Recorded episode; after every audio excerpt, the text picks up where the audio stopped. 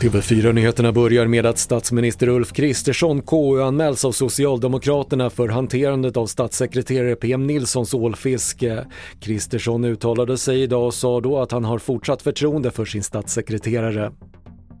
Det är stora störningar för Telias kunder och flera myndigheter har drabbats. Bland annat skriver polisen på sin hemsida att det är svårt att komma fram till 114 14 och enligt Telia beror problemen på störningar i interna system som man jobbar på att lösa.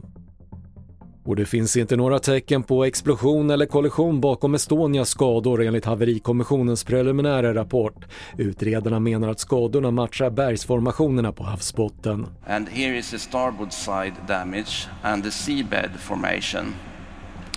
And it's quite clear from, from this modeling that the seabed follows the damage in the hull of the wreck. Det sa Jonas Bäckstrand på haverikommissionen och fler nyheter på tv4.se. Jag heter Patrik Lindström.